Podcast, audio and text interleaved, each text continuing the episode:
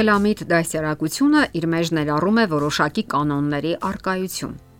Դրանք հստակություն են մտցնում երեխաների կյանքում եւ օգնում նրան հասկանալու, որ որոշակի սահմանափակումները հենց իր օգուտի համար են։ Ընդ որում, այդ կանոններն անհրաժեշտ են նաեւ դեռահասներին, Եվ ծնող դեռահաս փոխհարաբերություններում ծնողները պետք է նրբանակապ եւ շրջահայաց մոտեցումներ դրսեւորեն։ Կան խորհուրդներ, որոնք կօգնեն թե ձեզ, թե ձեր դեռահասին պահպանելու առողջ հարաբերություններ։ Խոսենք դեռահասի մասնավոր կյանքի մասին։ Դեռահասը երբեմն կարիք ունի առանձնանալու, եւ ծնողները չպետք է իրենց մերժված զգան այն պատճառով, որ երեխաներն առանձնանում են կամ էլ փակվում իրենց ննջարանում։ Անձնական կյանքի պահանջմունքը բավարարվում է նաեւ անձնական նամակների, օրագրի, հեռախոսային զանգերի միջոցով։ Կարիք չկա անհարկի խուզարկելու նրա սենյակը կամ անձնական իրերը նպատակ ունենալով գտնել նրա գաղտնի գործունեության վկայությունները։ Որոշ դեպքերում դա կարող է արդարացված լինել, եթե ասենք դուք կասկածում եք, որ նա թմրանյութ կամ ծխախոտ է օգտագործում։ Իսկ ահա փորփրել նրա օրագիրը կամ գրպանները, անձնական իրերը առանց ծանրակշիռ պատճառների արդարացված չէ։ Դուք պետք է գրավիչ դարձնեք ձեր տունը, որքան հնարավոր է։ Ձեր դեռահասին կարող են ընկերներ այցելել,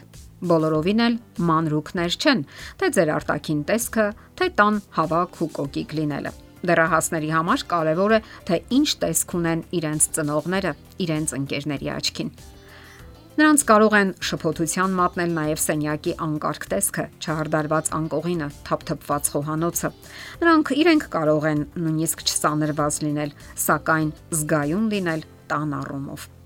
Ընտանեկան համատեղ միջոցառումները շատ կարևոր են։ Շատ պատանիներ իսկապես հիանալի ծնողներ ունեն, սակայն նրանք չեն կարող իմանալ այդ մասին, քանի որ հազվադեպ են տեսնում նրանց, թերևս միայն ցուցումներ ստանալիս կամ ինչ կարելի անել եւ ինչ ոչ։ Սակայն ապացուցված է, որ ընտանեկան երջանկության վրա ազդող գլխավոր գործոններից մեկը ընկերականության եւ ըմբռնողության զգացողությունն է, որը ծնվում է համատեղ միջոցառումների եւ խաղերի ժամանակ։ Քանի որ ծնող երեխա փոխհարաբերությունները հիմնականում անցնում են պաշտոնական իրավիճակներում, ապա կարևոր է, որ նրանք շփվեն նաեւ ոչ պաշտոնական համատեղ զվարճության իրավիճակում։ Դրանք կարող են լինել խաղեր կամ վրանային արշավներ, համատեղ արցակուրտներ կամ զբոսանքներ անտառում ու պուրակներում։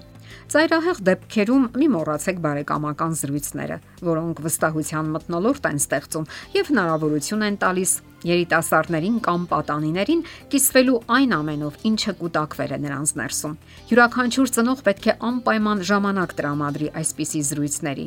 Դեռահասները իրենք են ձգտում դրան Իսկ եթե դուք այդ ժամանակը չտրամադրեք նրանց, ապա չզարմանաք, երբ հետագայում նրանք ձեզ չտրամադրեն այդ ժամանակը։ Նաև ասենք, որ դեռահասները չեն սիրում, երբ իրենց հետևում են համակ ուշադրությամբ եւ սահմանափակվում միայն արգելքներով։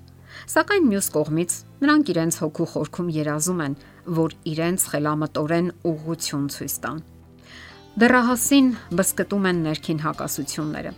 Մի կողմից նա տանել չի կարողանում անկամ ծնողներին, իսկ մյուս կողմից բողոքում է իր անձնական ազատությանն ուղղված խախտումների դեմ։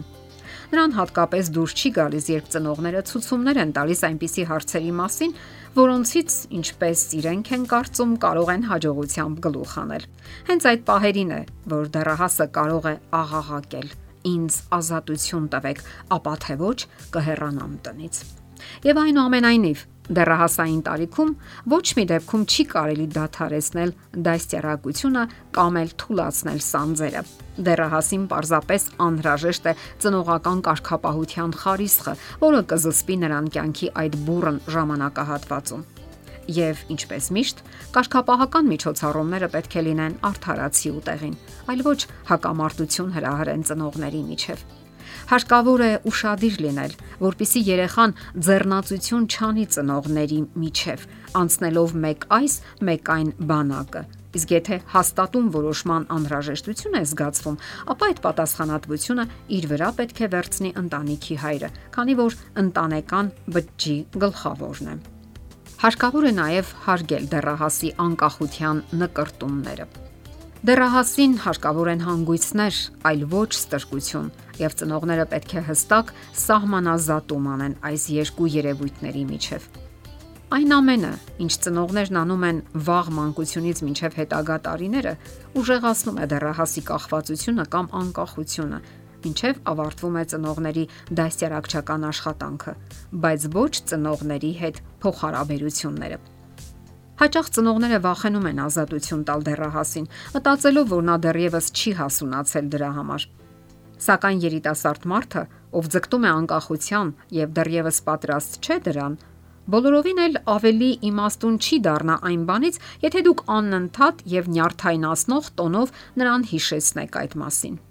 Սովորաբար, եթե դեռահասը դեռևս պատրաստ չէ այդ ձեռք բերված ազատությանը, հետ կվերադառնա ձեր մոտ եւ կխնդրի, որ շարունակեք ուղղություն տալ նրան։ Միգուցե ոչ այն բարերով, ինչ դուք եք ցանկանում, սակայն դրանից հարցի էությունը չի փոխվում։ Այս ամենից այն հետևությանն ենք գալիս, որ կանոնները իսկապես անհրաժեշտ են։ Եթերում է ընտանիք հաղորդաշարը։ Ձեզ հետ է Գեղեցիկ Մարտիրոսյանը։